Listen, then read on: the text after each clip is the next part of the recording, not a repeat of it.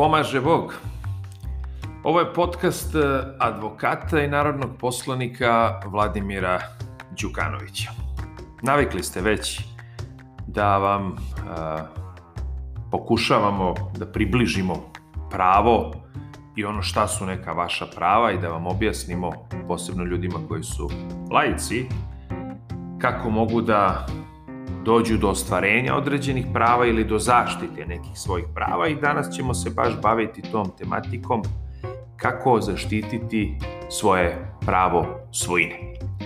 Najpre moramo da znamo da je svojina subjektivno, apsolutno građansko pravo i to je takvo pravo koje ne smete da ometate u njegovom vršenju, znači to je pod jedan, a s druge strane to pravo takođe može biti povređeno oduzimanjem stvari vlasniku.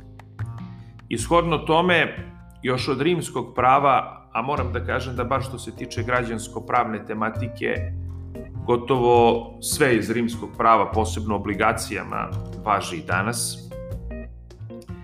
Postoje tri vrste tužbi koje možete, kojima zapravo možete zaštititi vaše pravo svojine. Dve tužbe se odnose ukoliko dođe do oduzimanja stvari od vlasnika, a jedna tužba se tiče sprečavanja, ometanja vršenja prava svojine.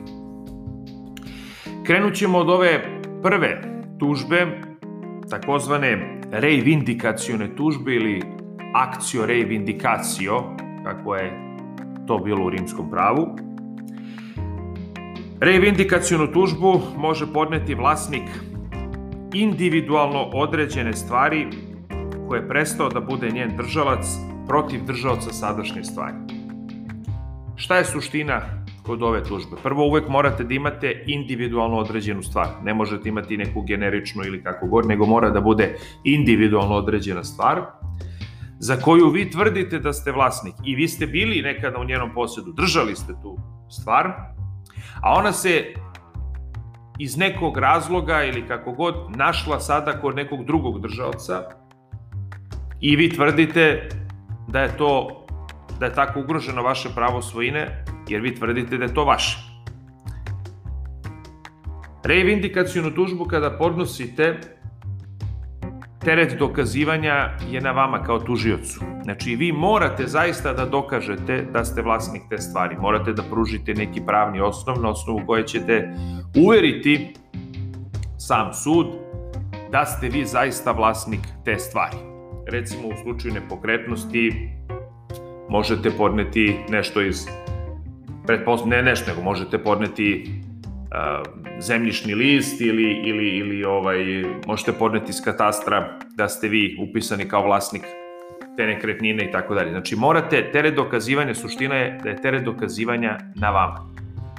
I to je ključ kod reivindikacione tužbe. Ona je teža da se dokazuje odnosno teže ostvariti pravo po njoj nego po ovoj drugoj takozvanoj publicijanskoj tužbi, ali o njoj ćemo nešto, nešto kasnije. Znači, tužilac može da zahteva vraćanje samo individualno određene stvari, one čiji identitet može da dokaže i što izričito se i napominje u članu 37 zakona o osnovama svojinsko-pravnih odnosa, vlasnik može tužbom zahtevati od državca povraćaj individualno određene stvari. E sad, ukoliko je tužbeni zahtev usvojen, tuženi se uvek obavezuje da vrati stvar nazad tužiocu. Gde može doći do problema? Može doći do problema ukoliko recimo ta stvar imala neke određene plodove. Naprimer, vi tvrdite da je pet stabala drveta trešnje, vaše, a ne komšino, i ta trešnja daje određene plodove. Ukoliko je držalac bio savestan i postupi na osnovu presude, on će vama vratiti tih pet stabala i neće morati da vam nadoknadi nikakvu štetu ukoliko je savesno držao to drveće, odnosno gajio, a, ne znam, sekao granje e, i tako dalje, održavao zapravo. Međutim, ukoliko je taj držalac bio nesavestan, pa je recimo uništio ta stabla, onda je on dužan da vam naknadi štetu kao nesavestan držalac u potpunosti i za plodove koje je uništio. To je što se tiče reivindikacijone tužbe. Druga tužba kojom možete ostvariti vaše pravo svojine, odnosno zaštitu vašeg prava svojine je takozvana publicijanska tužba ili akciju publicijana dobila je a, od, dobila je inače naziv po a, rimskom pretoru Publiciusu i publicijanskom tužbom a, kvalifikovani držalac stvari zahteva vraćanje stvari od držaoca kod koga se nalazi bez pravnog osnova ili po slabijem pravnom osnovu. Znači vi ovde sada ne morate, nemate teret dokazivanja da dokažete da je to zaista vaša stvar, već ovde možete samo da dokažete da imate jači pravni osnov od onoga kod koga se stvar nalazi. Inače nisam još napomenuo da kod reivindikacione tužbe, znači ove prethodne, da držalac stvari kod koga se zapravo lice kod koga se ta stvar trenutno nalazi, a gde vi tvrdite da to nije njegovo nego je vaša, on može uvek da se brani tako što će reći na sudu da ste vi imali neki ugovor, da, je da on po određenom pravnom osnovu stekao tu stvari. I na vama je sve to da opovrgnete, znači na vama je teret dokazivanja da dokažete da je to zaista vaše. Kod publicijanske tužbe to ne morate da radite, dovoljno je samo da dokažete da imate jači pravni osnov i na osnovu toga a, ćete ostvariti zaštitu vašeg prava, prava svojine. I to je ključna razlika između reivindikacione i publicijanske tužbe. Znači, publicijanska tužba je kudikamo, ne kudikamo, nego svakako lakša, lakša za dokazivanje i češće se primenjuje, moramo i to da kažemo, da kažemo. Češće je u praksi, u praksi imamo. Znači, da bi tužilac uspeo sa reivindikacionom tužbom mora da dokaže da je vlasnik stvari, a ako je podneo publicijansku tužbu, dovoljno je da dokaže da ima jači pravni osnov za državinu stvari. Treća tužba, vezana za zaštitu prava svojine, veoma važna, tiče se zabrane ometanja vršenju, u vršenju prava svojine. Znači, niko nema pravo da vas ometa u vršenju vašeg prava svojine, tim pre to je apsolutno građansko, građansko pravo.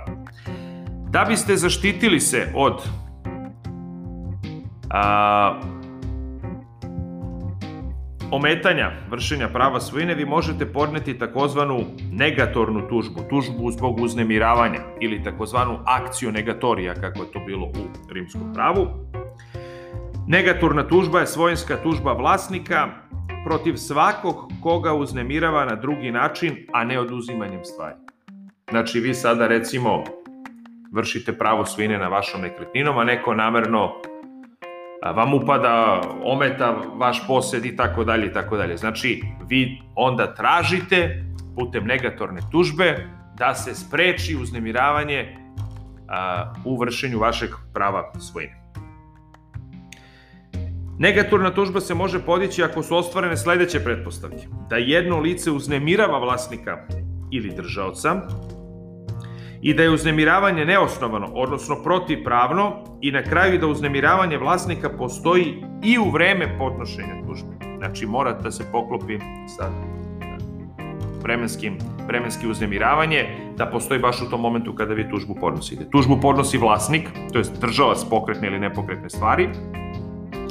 Tužilac prethodno mora dokazati da je vlasnik stvari ili pretpostavljeni vlasnik.